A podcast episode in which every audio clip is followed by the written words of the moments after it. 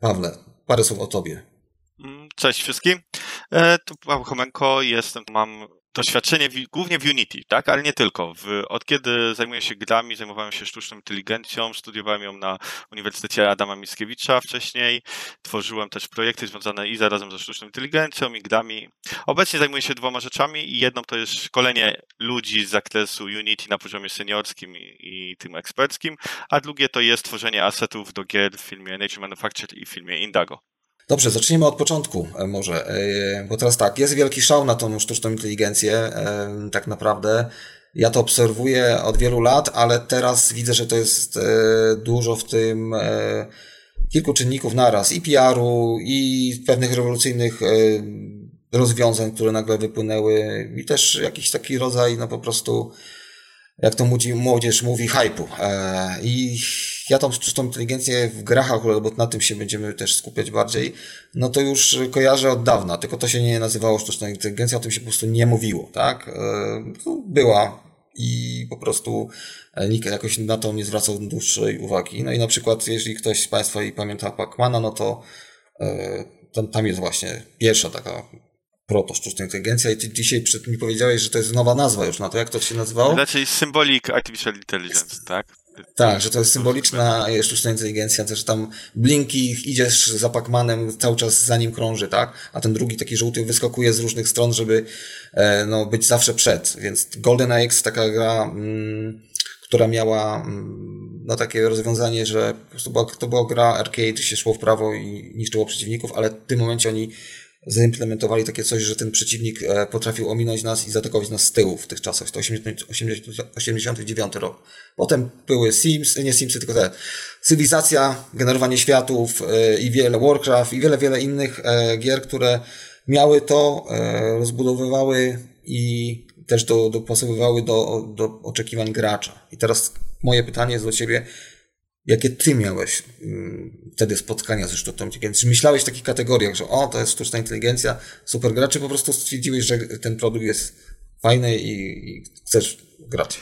Um, ja zawsze miałem pasję taką, żeby sprawdzać, jak działa gra, jak y, działa wszystko, co jest w tle, więc zawsze jak wychodziła jakaś gra, która miała nową, fajną, sztuczną inteligencję, czy właśnie Golden Axe, jak grałem, Pacmana niestety nie grałem jak startował, bo już trochę za młody, ale też zawsze starałem się rozpracować, jak tam stworzyli, jak to działa, jak to samemu zaprogramować, tak te pierwsze sztuczne inteligencje tak naprawdę były niesamowitym wyczynem, ponieważ teraz mamy komputery, który nasz zegarek na ręku ma dużo większą moc niż cały pewnie salon arcade'ów razem połączony i działający, tak? Więc te sztuczne inteligencje przy tak prostych algorytmach jednak zżerały bardzo dużą moc obliczeniową tych urządzeń. Ale dla mnie chyba największym właśnie pierwszym takim przełomem, gdzie ja zauważyłem sztuczną inteligencją, to był chyba cywilizacja właśnie, kiedy można było już walczyć z tymi państwami, one zaczynały ze sobą konkurować, kombinować, dalej już sojusze w kolejnych wersjach. To bardzo fajny był rozwój w tamtych czasach. No i potem tak y, krok po kroku coraz więcej produktów miało tą sztuczną inteligencję po prostu e, typu na przykład przewidywanie ruchu przeciwnika, czyli y, pewien żołnierz już wiedział, na przykład reagował na twój krok, co się tam w Wolfensteinie nagle pojawiał, tym, tym późniejszym troszeczkę, więc y, to, to nie jest nic nowego w tej branży. Od tego trzeba zacząć.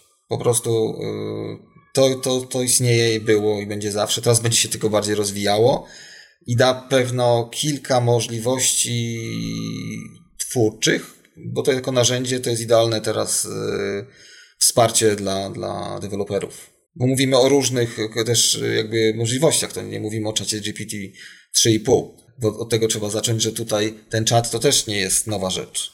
No nie, ChatGPT, temu podobne rozwiązania już są na rynku od kilkudziesięciu lat tak naprawdę, tak? To, co się zmieniło, to, że mamy większą moc obliczeniową, możemy szybciej liczyć nowe systemy, nowe, nowe tak naprawdę modele, które mamy do tworzenia generatywnej AI, są, ułatwiają nam taką pracę, tak? Bo moc komputerów dała nam duże rozwiązania, ale jednocześnie też rozwój matematyki i rozwój, jak rozumiemy, jak szkolić te modele, przyspieszyło to wszystko. Dzięki czemu te nowe modele powstają szybciej, ale też powoli, na przykład w przypadku czata GPT, podobnych modeli tworzenia językowego już osiągamy granice tych możliwości, które mamy obecnie. No tak, to, to wcześniej żeśmy też w kolorach sobie rozmawiali, że e, do 2021 roku te treści są i dalej już są wygenerowane tak w takiej ilości, że te modele nie mogą e, jakby tutaj e, mieć tego takiego wewnętrznego tripa, czyli e, po prostu kształcić się na, na, na, tym, co wygenerowali, czyli wejdzie, wejdą w coś rodzaju fantazmatów jakiś, po prostu chat GPT, e, ja już miałem okazję już ochłonąć, zauważyłem, że on popełnia masę błędów, przynajmniej w modelu językowym polskim, po polsku, robi halucynacyjne e, jakieś w ogóle postacie, wymyśla, no jest tego sporo. E, czwórka już mniej tego robi, ale generalnie to, co chcę powiedzieć, że no to mamy ze sobą rewolucję, która tak naprawdę jak obserwujemy z boku, ty to właśnie obserwujesz z perspektywy programisty, no ona już była. W sensie może nie rewolucją, ale czymś rodzajem takiego no, powolnego, teraz przyspieszonego procesu, e, że to był cały czas progres. Bo mówimy o Pacmanie, wchodzimy teraz w coś innego. Tak, tak, dokładnie. Ten, e, mimo wszystko ten rozwój sztucznej inteligencji idzie krokowo, tak? Ten wyskok i pojawienie się nagle czatu GPT to bardziej jest zasługa tego, że to zostało udostępnione całej rzeszy ludzi w sposób prosty, otwarty, intuicyjny i UX-owo bardzo fajnie zrobione, żeby ludzie to zrozumieli, ale przecież wszystkie te modele językowe to są już lata pracy i lata korzystania z tego przez różne firmy. Przykład jest y, coś, co jest starsze, Copilot y, od GitHuba i Microsoftu, który pomaga programistom już chyba ponad dwa lata, tak? ChatGPT to jest ledwo pół roku, a wielu programistów korzysta z tego wcześniej. Pierwsze modele tworzą obrazy, takie jak Dali czy Midjourney, też już mają kilka lat y, rozwoju takiego, gdzie korzysta się z niego w różnych narzędziach, tak. No, strona This Person Doesn't Exist, oparta na silniku NVIDIA, nie? To Dokładnie. też paru lat y, generowanie, albo ten sztuka, która nie istnieje, kod, który nie istnieje, te wszystkie odmiany tego, tego właśnie, to już było wcześniej niż niż teraz, tak?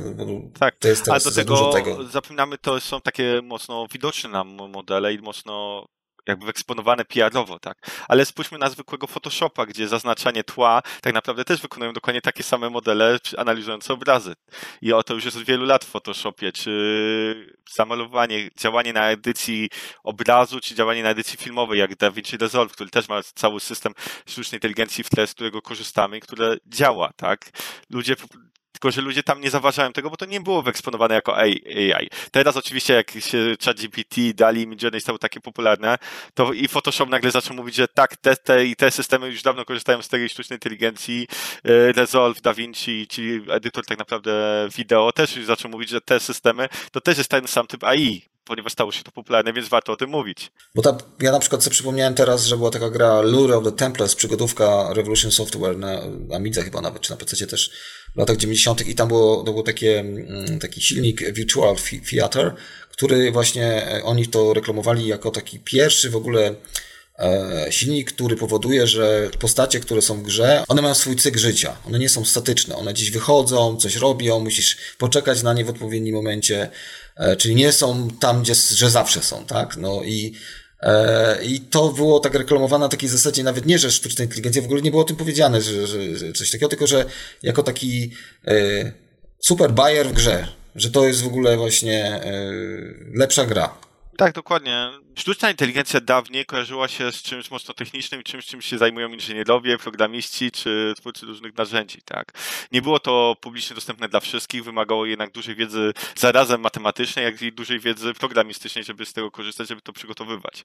To się bardzo szybko zaczęło zmieniać, tak? Zwłaszcza twórcy gier, którzy musieli tworzyć narzędzia dla designerów, artystów, żeby mogli korzystać z tych y, sztucznej inteligencji dla siebie i żeby mogli te gry robić coraz ciekawsze. Gracze, którzy zaczęli być coraz bardziej zaznajomiani z tymi systemami. Dla większości graczy dzisiejszych zachowanie Simsów w Simsach jest czymś oczywistym, ale prawda jest taka, że jak wychodziły Sims 1 które miało to Utility AI tak naprawdę, bo tak się nazywa te systemy, które właśnie były też jako core Lure of the Templates zdobione, to dokładnie są systemy, które mamy, znamy i dla nas one nie były nowością, jednak Sims 1 jak wyszły i te Simy same zaczęły chodzić po domach robić swoje rzeczy, zmieniało percepcję wielu ludzi, którzy nie byli zaangażowani w tworzenie gier. Obserwuję podłączenie czata do niektórych modów, na przykład w Skyrimie Ostatnio wyszedł taki, że te postacie, które są właściwie takie poboczne, one nagle mogą wejść w konwersacje filozoficzne. Więc to jest bardzo ciekawa rzecz, jak sztuczna inteligencja gra narrację może rozbudować y, ciekawie. Mm, I no, to jest na razie taka rzecz, że tylko obserwuję to, bo, bo nie wiem, jak to limitować, bo ten, taki, taka konwersacja z takim graczem może, czy z graczem może być po prostu z takim NPC-tem może być dosyć e, trudna na przykład, może zaburzyć rozgrywkę, nie? To też trzeba o tym wszystko pomyśleć. Tak, to jest właśnie duży problem, ale to dla, dla twórców gier jest to problem jak podejść do tego, tak? Ponieważ y, gra gry są różnego typu. Na przykład w takim właśnie Skyrimie, w Mountain Blade chyba też już robiono mod do Mountain Blade'a dwójki. W takich grach taki czat musi mieć sens dla tej postaci, tak? Bo wiadomo, możemy się pogadać o wszystkim, możemy jej ograniczyć jakąś wiedzę, ale tak naprawdę nie wiemy, jak gracz dalej będzie postępował, co do czego ją przekona, co z nim zdobi. Gracze i osoby korzystające na przykład z czata GPT można zobaczyć wielokrotnie na sieci, jak ciekawe pomysły mają, jak mogą być obostrzenia, które narzucają programiści, tak? To jest danie komuś bardzo dużych możliwości graczom. Jednocześnie może to powodować, że narracja, jeśli mam gry narracyjne, które chcą opowiedzieć pewną historię, to taki czat z takim y, NPC na tym chwilę może zaburzyć taką narrację i zacząć wychodzić poza zakres designu, który chcieliśmy zrobić. I to jest problem. Czy dać możliwości pełne, że faktycznie mamy postacie bardzo bogatą historią, mówiące jak prawdziwi ludzie, działające jak prawdziwi ludzie, tylko co wtedy na tą narracją, co wtedy z tą płynnością gry narracyjnych, tak? W MMO, w MMORPG-ach pewnie bez problemu się to zrobi, tak? Ponieważ tam każdy tworzy swoją historię i to, że coś nagle się będzie działo inaczej, w miarę ok.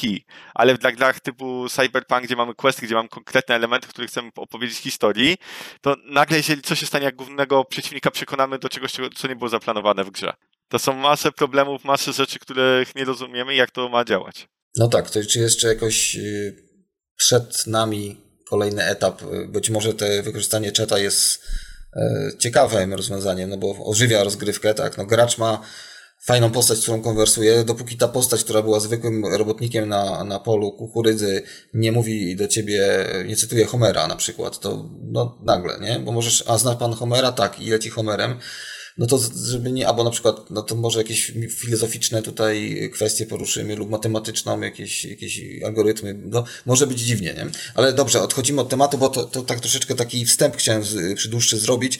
E, jakby tą klamrą e, spinającą, to chciałem Cię, żebyś przedstawił swojej, swojej perspektywy, czym dla Ciebie jest ta sztuczna inteligencja, jakie są te wszystkie modele i typy.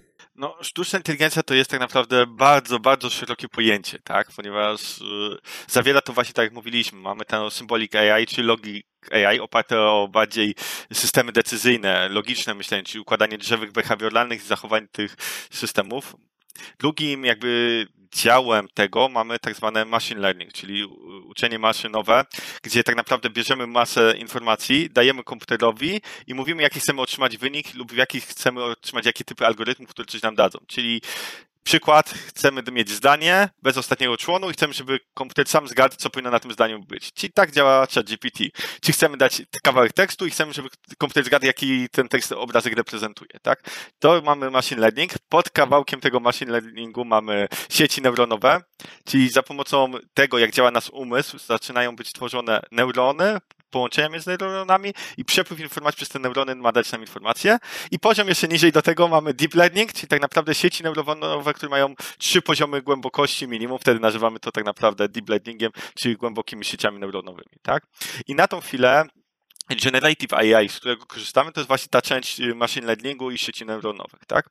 Ale nadal bardzo dużo wykorzystuje się i w większości w grach są to symbolik AI, które właśnie się dzielą na logiczne, drzewa decyzyjne, behavior tree, e, czy utility AI, o którym już też wspomniałem w przypadku Simsów i temu podobnych gier, tak? Czyli mamy tych ten dział jest bardzo szeroki, tak? To, czym się teraz zachwycamy, czyli właśnie czatem GPT, Midjourneyem, to jest właśnie tylko małych skrawek, który się tak naprawdę nazywa Generative AI, czyli coś, co AI, który generuje nam nowe elementy. No dobrze, no to teraz tak przejdźmy do praktycznego punktu widzenia, ty jako deweloper, e, bo teraz tak, e, krążą różne opinie, że na przykład pewne branże trochę będą się musiały bardziej postarać lub wręcz znikną, więc ty na przykład, jeżeli potrzebujesz y, jakichś rzeczy, to teraz czy sięgasz po generator? Okej, okay, dobra, logo. Generator loga są już takie. Ja korzystam, jeśli korzystam z y, genera Generative AI, czyli Midjourney i tak dalej, tak korzystam, ale korzystam tu bardziej na etapie prototypu, czyli kiedy chcę szybko przeiterować sobie dużo pomysłów na temat, y, na przykład chcę logo, nie mam pomysłu jeszcze jak chcę, żeby wyglądało, wrzucam trochę naszych artów i lecę jakie możliwości, co mi zaproponuje. Potem idę z tym do artysty, idę z tym do y, tak naprawdę kogoś, kto się z tym specjalizuje i mówię mu mniej więcej w jakim kierunku możemy pójść i ja na tą chwilę w takim etapie korzystam, tak? Korzystam dużo więcej z takiego generative AI w przypadku kodu tak? Ponieważ jako programista i jako technical artist piszę shadery, piszę kod, piszę dużo narzędzi w edytorze w Unity i korzystam z Copilota, który sam mi generuje często odpowiedzi i sam generuje mi kawałki kodu, z którego mogę skorzystać. Czy w czacie GPT jak potrzebuję jakąś prostą metodę na, do napisania, to piszę, żeby chat GPT mi przygenerował metodę, choć tam bardzo bym uważał i nie polecał juniorom czy początkującym programistom korzystania z ChatGPT, bo robi masę błędów i masę złych praktyk. Ja wiem, ja kiedyś próbowałem sobie wrócić do przeszłości i poprosiłem go o wygenerowanie pliku bacza jakiegoś z ASCII, który by tam generował kotkę i on mi to rozpisał, potem jak to wrzucałem i sprawdzałem, to nie działało, więc e, generalnie tak to właśnie jest. A wszystko ładnie na ekranie pokazuje, jak jest, nie? Więc E, no ciekawe narzędzie, ale też właśnie tutaj, jak właśnie jako narzędzie trzeba to, to traktować i do tego podejść jako narzędzie. A nie coś, co nam zabierze totalnie rzeczywistość, tylko takie uniwersalne narzędzie. Tak, prawda jest taka, że jest wiele rzeczy, chyba już to wspominaliśmy, wiele rzeczy, które mają to Generative AI, wejdzie no, do standardowego użytku. Mamy nową betę Photoshopa, który tak naprawdę ma masę już narzędzi opartych o Generative AI, ale tak samo machine learning czy sieci neuronowe do przetwarzania, obrabiania obrazu też już tam jest od lat. I od lat twórcy z tego korzystają, tak. Tylko, że prawda jest taka, że to dla mnie to narzekanie jest takie, że jest skok technologiczny i skok rozwoju, z którym nie jesteśmy jeszcze świadomi, jak działać, jak z niego korzystać, co z niego robić. Co zresztą pokazują, teraz mamy liczne procesy, czy z tego AI powinno się korzystać, czy nie, do kogo należą e, prawa autorskie do tego AI. Teraz chyba mam kolejną przestrzeń, bo przedwczoraj wybuchnęła informacja, że Steam zawiesza jakieś gry, które przechodziły przez proces yy, weryfikacji i okazało się, że mają jakąś sztukę AI i Steam je zawiesił. Więc dużo pogłosek, dużo chaosu informacyjnego wokół tego teraz jest.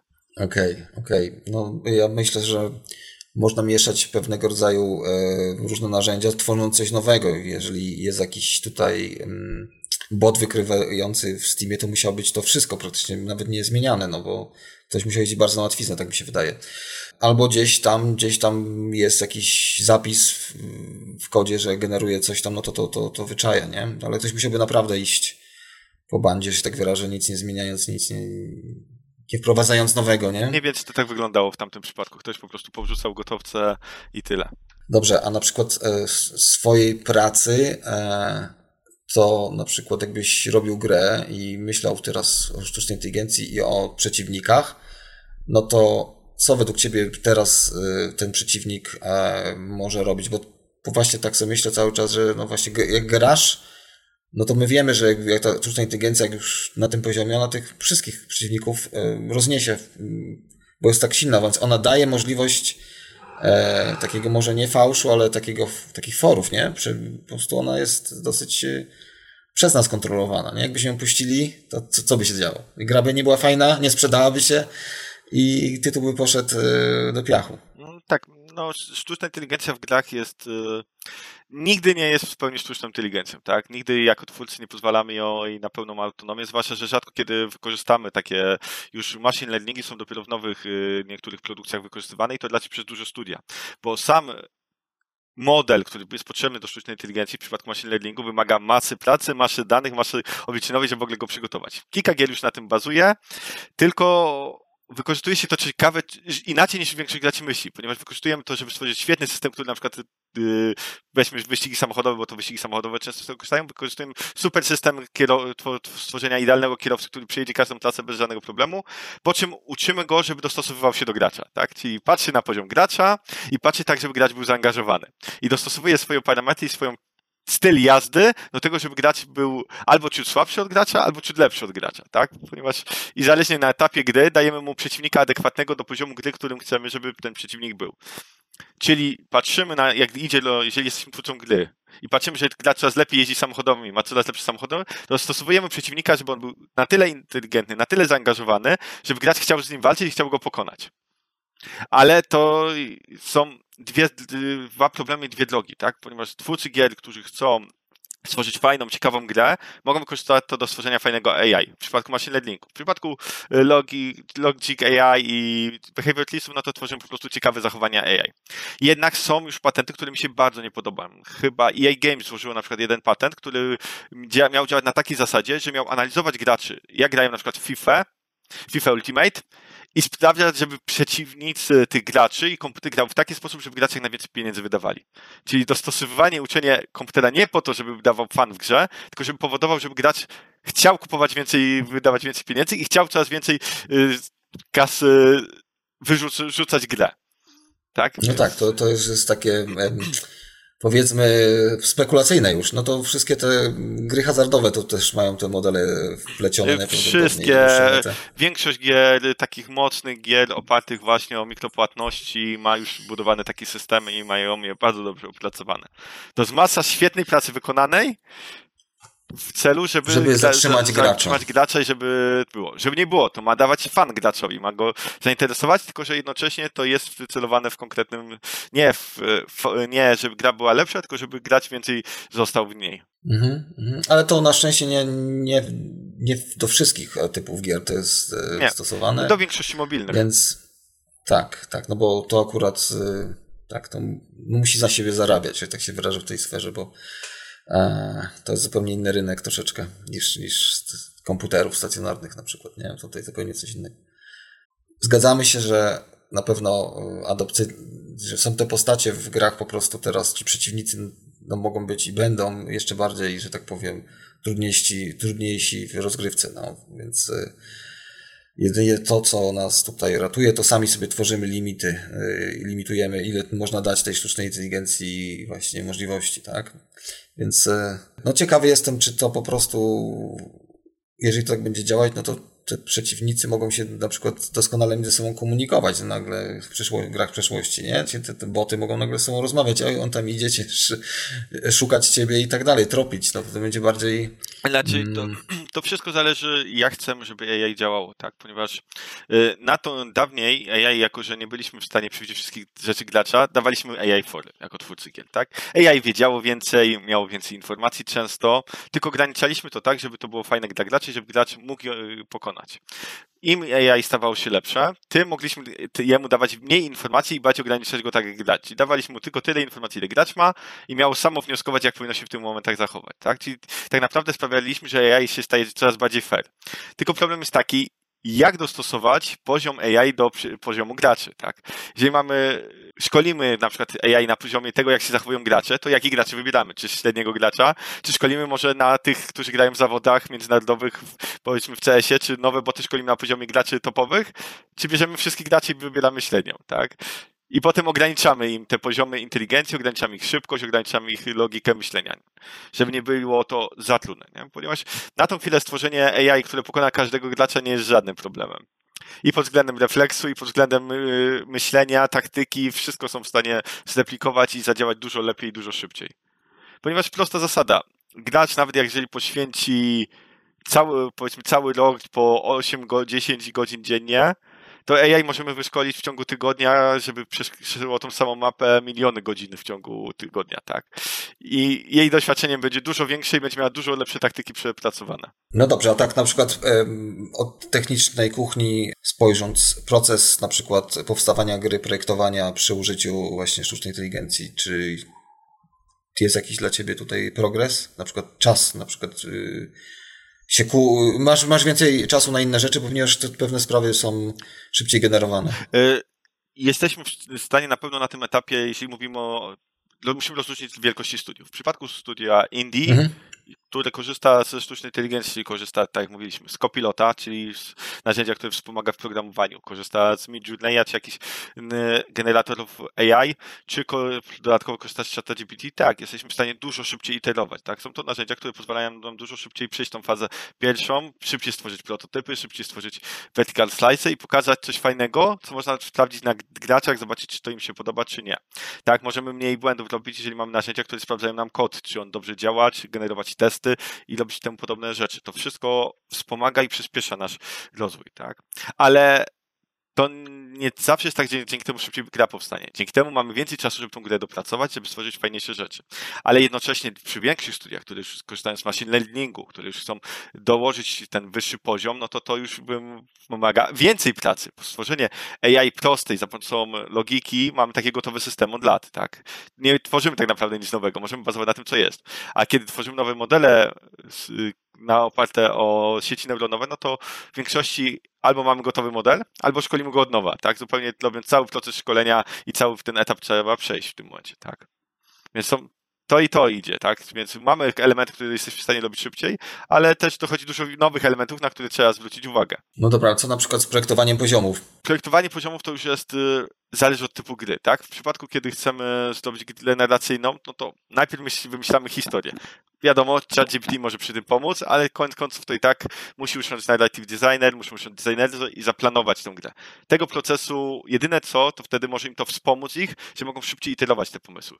Jednak te pomysły nadal muszą się wydeklarować, muszą zostać sprawdzone, przetestowane, czy to nadal się robi tak, że się testuje na papierze wiele pomysłów. Testuje y, nasze levele na papierze i na papierze zwykłymi karteczkami przechodzi poziomy, czy sprawdza jak to działa, tak. To jest dużo szybsze, ponieważ tak naprawdę narysowanie poziomu na kartce i potem razem zagrania w ten poziom za pomocą papieru jest dużo szybsze, nawet najlepsza AI, która wygeneruje nam, tak. Wzięcie ołówków i zrobienie brainstormingu jest nadal takie samo. Możemy od, potem i faza przejścia od tego papieru do pierwszej wersji prototypu, tak, będzie szybsza, bo możemy to wtedy pewne elementy wygenerować i ładnie je zdobić ale te całe procesy nadal są takie same.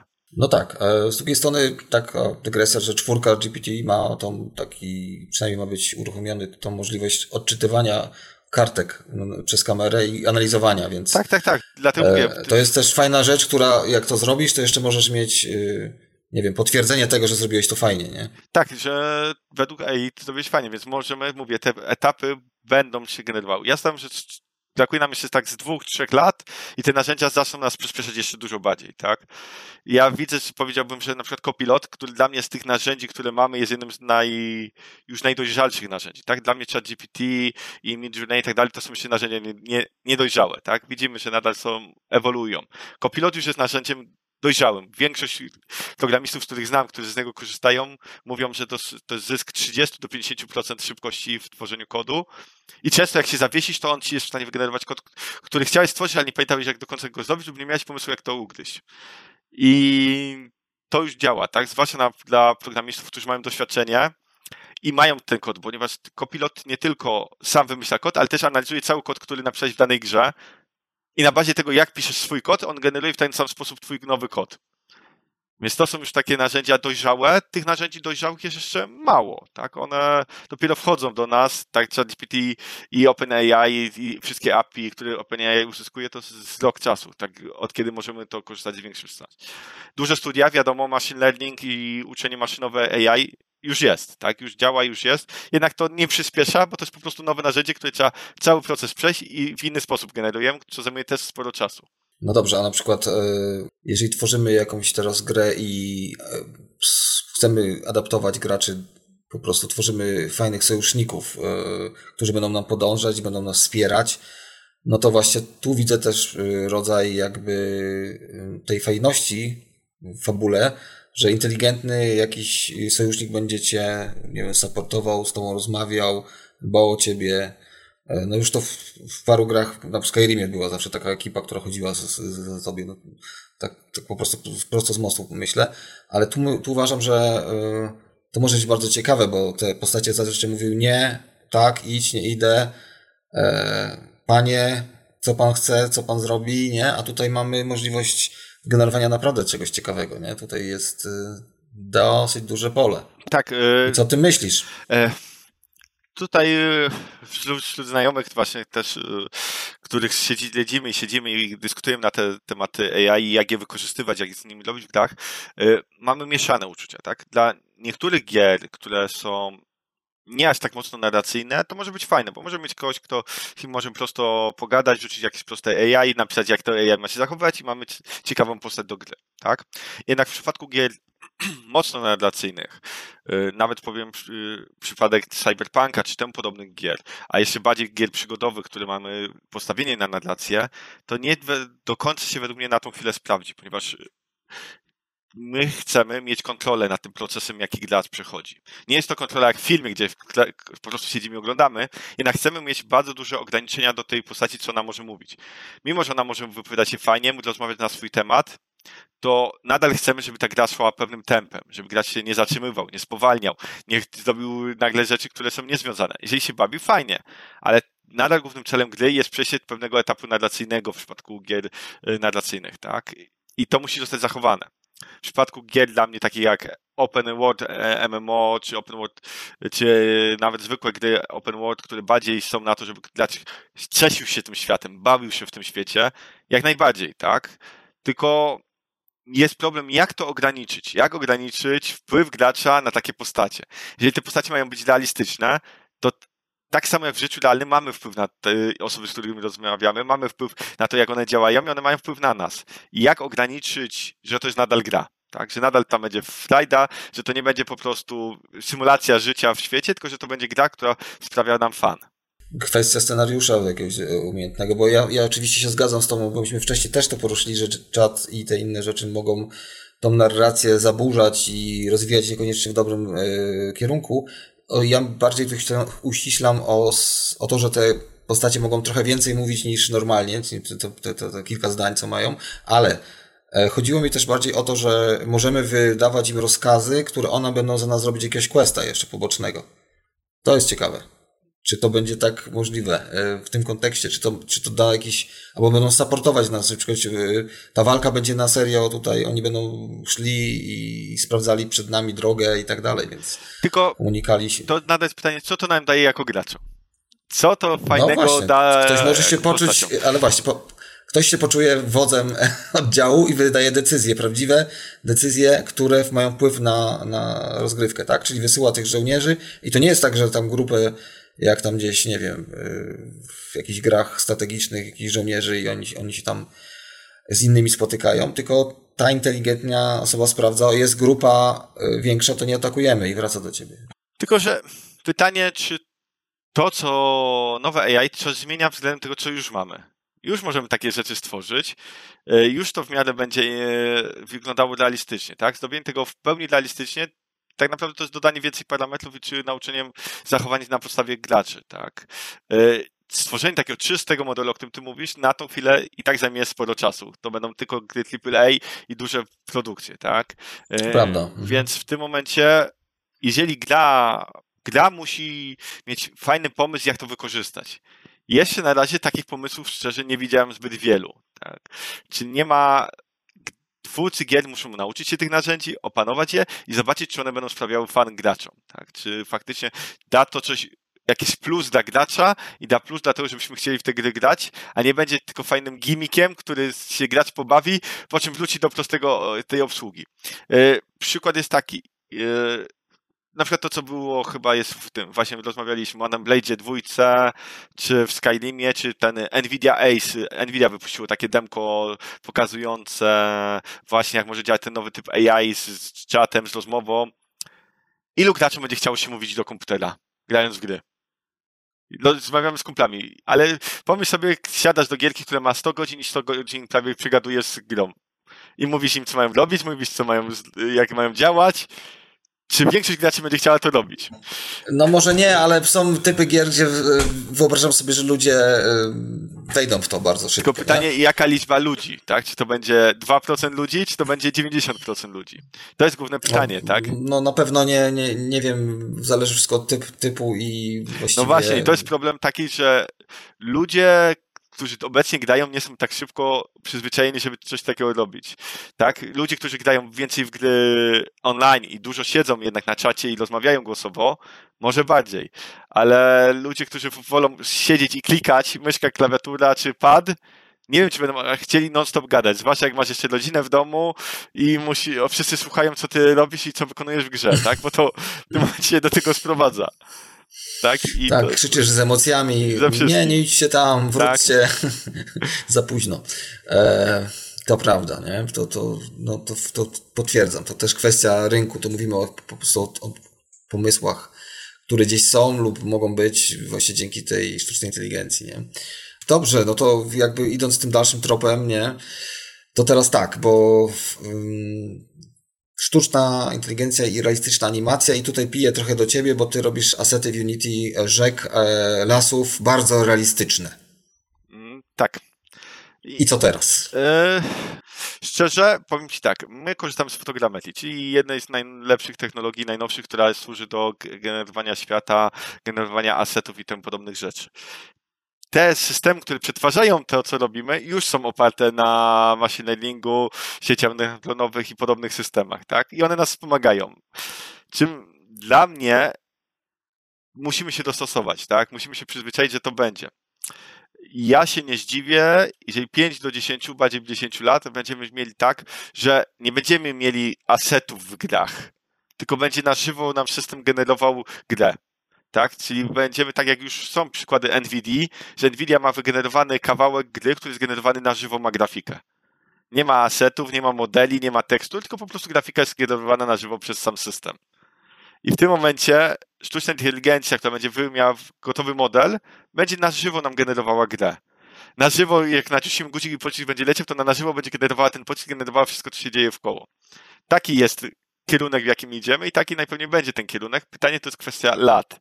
Ilu to będzie? Czy to będzie 5, 10 czy 15 lat, zanim będziemy mieli systemy, które będą same wszystko generowały live, tak? Tak jak teraz nam e, Stable Diffusion, Midjourney czy DALI generuje obrazek w kilkadziesiąt sekund, to będzie generowało te obrazki kilkadziesiąt tysięcy razy na sekundę. Czyli chcesz powiedzieć, że w przyszłości będą systemy, które pozwolą na wygenerowanie gry, która się wygeneruje i możemy w nią grać. Tak. Bardziej idę okay. w system, coś takiego, co zresztą fajne ktoś opisał i nie pamiętam już wideo, e, był powiedziane, że wrócę do domu, siadam, wiecie co, wiesz co, mam mało czasu, wygeneruj mi grę na pół godziny, stylistyka Wiedźmin w, e, w punkowy Wiedźmin. Okay. Po kilku minutach siadam, gram w tą grę. Tak? To będzie ten poziom dla mnie w przeciągu kilku, na, kilku, kilkunastu lat, tak? Czyli mamy okay, gotowy system... będzie jeszcze dodać, dodać yy, no dobra, jeszcze nie, no musi być już bardzo wyszkolone to wszystko, bo musi dodać wiele zmiennych, nie? Tak, to sam, no to, to jest... Wiedźmin będzie szedł i bez rozgrywki na przykład, bo zapomni questa. No, po będzie szedł. Wiesz, to wszystko jest tylko kwestią czasu, tak? Skoro już potrafimy generować obrazy. Już Nvidia pokazuje, że na nowych systemach jest w stanie generować całe filmy gotowe, gdzie opisujesz, co się dzieje w filmie i on ci generuje tam kilkusekundowy film to jest kwestia tylko czasu, że będziemy mieli systemy, które same generują na bazie gier, które mieliśmy, na bazie książek, które mieliśmy, na bazie filmów, które mieliśmy, że będziemy dostawali to, co chcemy mieć, tak? Zaczną się pojawiać większe problemy, problemy praw autorskich, problemy, yy, czy można generować dany typ gry, czy nie można generować danego typu gry, czy możemy poprosić o wygenerowanie gry w oparciu o Wiedźmina, czy nie, ponieważ ktoś ma prawa do tego Wiedźmina i tak dalej, i tak dalej, tak? Dla mnie większym ogranicznikiem będzie na to chwilę prawo i prawa autorskie niż sama technologia w przeciągu najbliższych kilku lat. Okej, okay. no, no, będą jakieś regulacje, muszą być, bo niestety idzie to dosyć y, prędko, za szybko bym powiedział. Y, też nie spodziewałem tego. Tylko jeszcze tutaj jest y, trochę przekłamanie, bo E, bardzo dużo aplikacji, które korzystają z, z, tego, co się dzieje, to po prostu dodają sobie, że są sztuczną inteligencją, e, po prostu promują się na tym, żeby się wybić. Robią czasem jakieś zwykłe kon konwersje obrazów, na przykład zdjęcie swoje na, na postać pikselową, nie? I nagle jest jakaś retro sztuczna inteligencja i taki, widzę właśnie taki konwerter i nie, kiedyś tego nie było, bo to był konwerter i był fan, a teraz nagle można wszystko, nie? Tutaj e, no to trzeba odsiać po prostu pewnego rodzaju propozycje, które są no, no zwykłą, no nie, może nie, nie ściemą, ale próbą no, mówienia, że tam jest wszystko głęboko w ogóle kod maszynowy w to wtłoczony. E, tak samo pewno jeszcze z grami będzie przez jakiś czas, e, że nie wszystkie jeszcze mm, nie są gotowe na to, bo zależności od gatunku, tak powiedziałeś, no i też budżetowych możliwości. No, jeżeli są duże firmy, to mogą sobie poradzić, zatrudnić naukowców, którzy będą siedzieć przy tym modelu, nie? A są już takie programy finansowe od wielu lat w Polsce na przykład też, które e, można aplikować jako studio właśnie do rozwiązań jakichś prototypów, do, do do wsparcia i właśnie wiele rzeczy było nawet wcześniej mile widzianych, jeśli były takie rozwiązania oparte o te, te rzeczy związane z sztuczną inteligencją, więc to nie jest tak, że, że nagle się to pojawiło, to już było, ktoś gdzieś się tym interesowali, teraz się tym bardziej interesują. Tak? tak. Mm, dla mnie też się pojawia taki problem, że w środowisku akurat gracz y, game devu, my wiemy jak rozmawiamy AI, o czym rozmawiamy, większość osób wie, tak? Y, kiedy właśnie nagle pojawiło się ChatGPT, zaczęło to być nazywane AI, y, zaczynały się takie elementy, zaczął być problem, że nie, ludzie też nie potrafią o tym rozmawiać jeszcze w 100%, tak?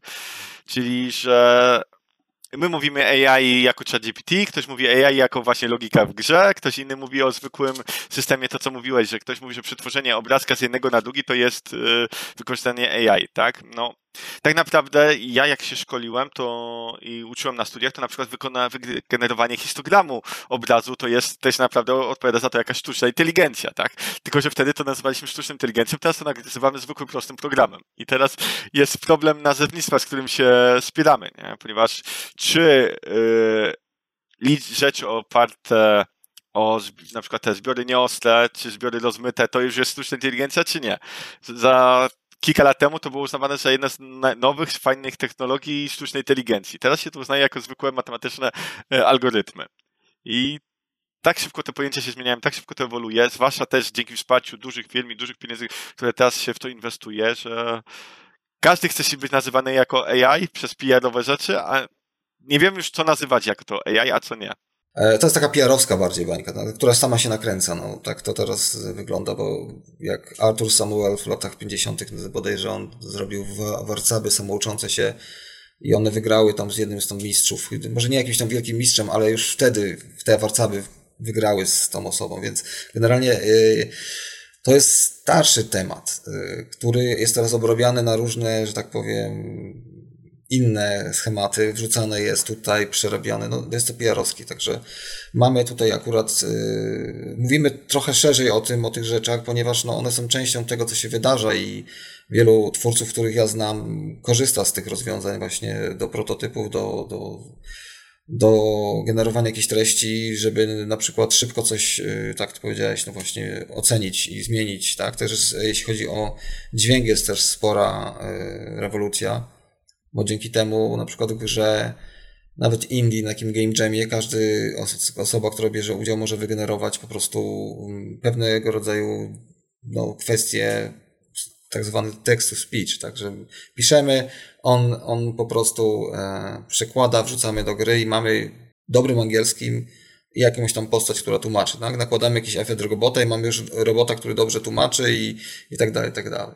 Więc to to idzie w tym kierunku w różnych, e, na różnych etapach będzie to wszystko rozwijane. To, to po prostu się zmieni i te dźwiękowo też i w każdym innym e, zakresie. Więc jak, jakie ty masz e, z kolei takie twoje tutaj możesz, bo już mówiłeś o tym, że wydaje ci się, że będzie gra generowana, ale jakie widzisz po prostu na przykład zagrożenia? Nie, mówmy, nie mówimy o zagrożeniach tego typu, że ogólnych typu, że na przykład ludzie będą e, zabezpieczenia do gier, tylko bardzo bym chciał tutaj nacisnąć w grach, w grach. przez tą sztuczną inteligencję. Znaczy, coś, co musimy bardzo szybko zrobić i to bardziej jako społeczeństwo tak naprawdę, nie nawet kraje, tylko całe społeczeństwo jest ustalić pewne granice korzystania i wykorzystywania tego AI, tak? Co w przypadku Generative AI, co możemy generować i na bazie czego możemy generować to AI, tak? Mamy już kilka procesów, mamy wielkie dyskusje, tak samo jak powiedziałeś o game jamach. Sporo międzynarodowych game jamów zakazało korzystać w ogóle z AI w Generative AI w swoich regulaminach. I nagle były wielkie dyskusje, z czego wolno wtedy korzystać. Photoshop ma w sobie AI i sieci neuronowe. E, DaVinci Resolve do filmów ma w sobie takie narzędzia. Copilot już jest takim narzędziem. Zaczęło się od tego, że chcieli tylko chyba wyeliminować Midjourneya, Daily i tak dalej, a nagle się podnieśli, że programiści mają i uprawnienia się mogą z Copilota korzystać. I nagle Copilota usunęli. Potem ChatGPT usunęli. I nagle są wielkie dyskusje o to, tak naprawdę pod względem prawnym, z czego wolno, a z czego nie wolno nam korzystać. I dla mnie największym zagrożeniem jest takim, że póki nie wystosujemy jako społeczeństwo, także artyści, game dev, programiści, wszystkie osoby, które korzystają z tych narzędzi, co wolno nam i jak możemy z tego korzystać w sposób legalny i w sposób fair dla osób, na bazie których tworzono te systemy, będzie bardzo dużo kłótni, będzie bardzo wiele problemów, tak? Więc to się dzieje szybko i chyba jak zwykle prawo nie nadąża za tym i nasze podejście też do tego nie nadąża, tak? Bo zaczęły się stajki artystów, że jeżeli będzie AI dopuszczone, to oni nie będą tworzyli, że oni będą blokowali i w drugą stronę, i w drugą stronę. To jest po prostu... Przypomniało mi się, przepraszam, że się wetnę, sam jestem artystą, e, jakimś tam bardziej z dźwiękiem dla tych, co nie wiedzą. Przypomniał mi się taka, e, tak, taki obraz, jak e, matematycy amerykańscy e, protestowali, bo, bo wprowadzone będą kalkulatory na studia. Także być może to jest taki, może trochę przyjaskrawione, co powiedziałem, ale no tak trochę to wygląda. Trzeba się dostosować i to uznać jako za narzędzie, naprawdę. Jeżeli ktoś jest kreatywny, to z pięciu innych zrobi coś fajnego. Taka jest moja Ta, opinia. Tak, Więc ja się, w tym, kontynuuj. ja się dokładnie z tym podejściem zgadzam, tak. Widzę i to sporo znajomych, z którym dyskutowałem, ma problem, że czemu z Midjourneya wolno legalnie korzystać, czemu z Dali wolno nie legalnie korzystać i tak dalej, i tak dalej. Ja jestem za tym, że to są narzędzia. One nie pozbawią nikogo pracy, jeżeli ten ktoś będzie potrafił sam z nich korzystać i też będzie potrafił coś do nich wnieść lub z nich y, coś ciekawego wynieść, nie? Bardzo mnie zaskoczyło mocne, bardzo mocna reakcja na przykład artystów 2D, kiedy powstały te elementy. Sam też tworzę y, grafiki, zresztą tu mamy przykład, to tam są tekstury, które AI też potrafi wygenerować my robimy to lepiej na tą chwilę, ale pewnie w pewnym momencie zaczniemy sami z tego korzystać i przyspieszać nasze prace. Dla mnie to są tylko narzędzia. One nie pozbawią nikogo pracy. One mogą zmienić naszą pracę.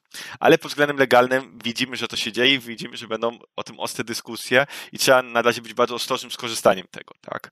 Żeby nagle się nie okazało, że gra zostanie wyrzucona, bo masz sobie coś z AI w środku, co komuś się nie spodoba i nagle zaczną się spore dyskusje, póki się nie unormują jakieś no, formy prawne, tak?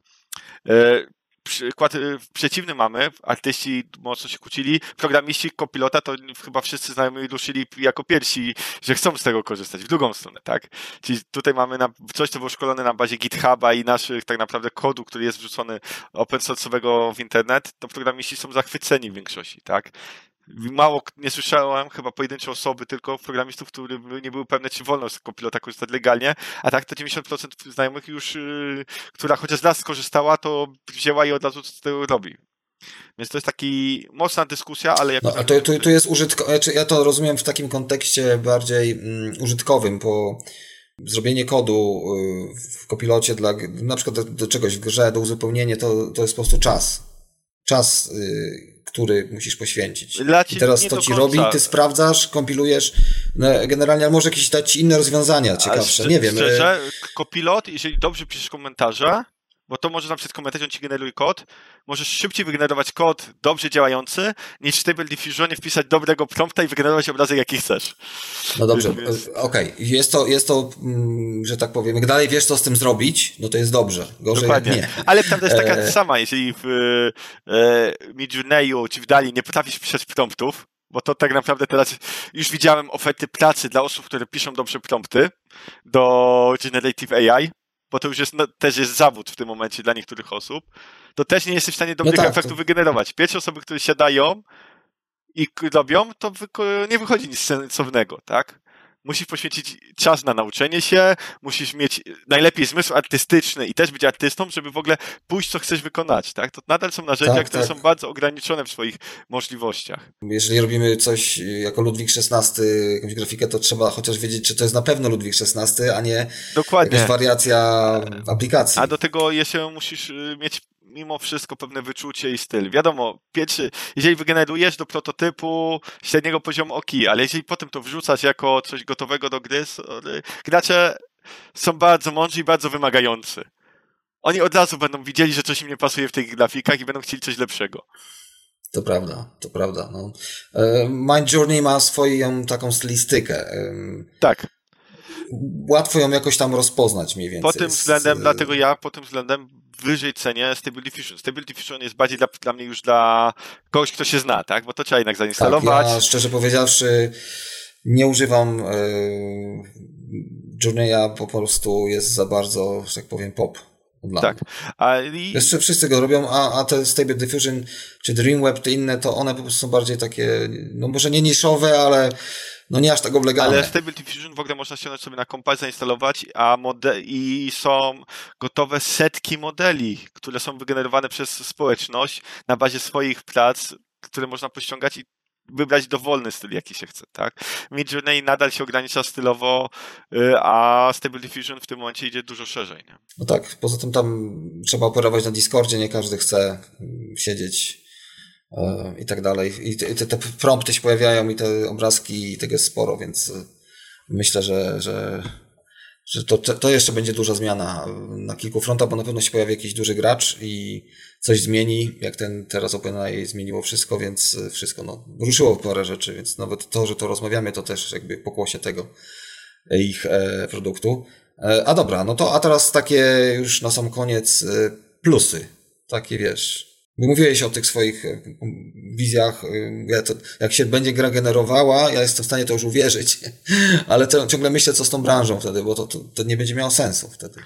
Według mnie nie do końca. Czy każdy z nas z iPhone'em jest w stanie, pójdę w przykład branży, czy każdy z nas z iPhone'em jest w stanie zrobić zdjęcie i zdobyć niezłej klasy zdjęcie?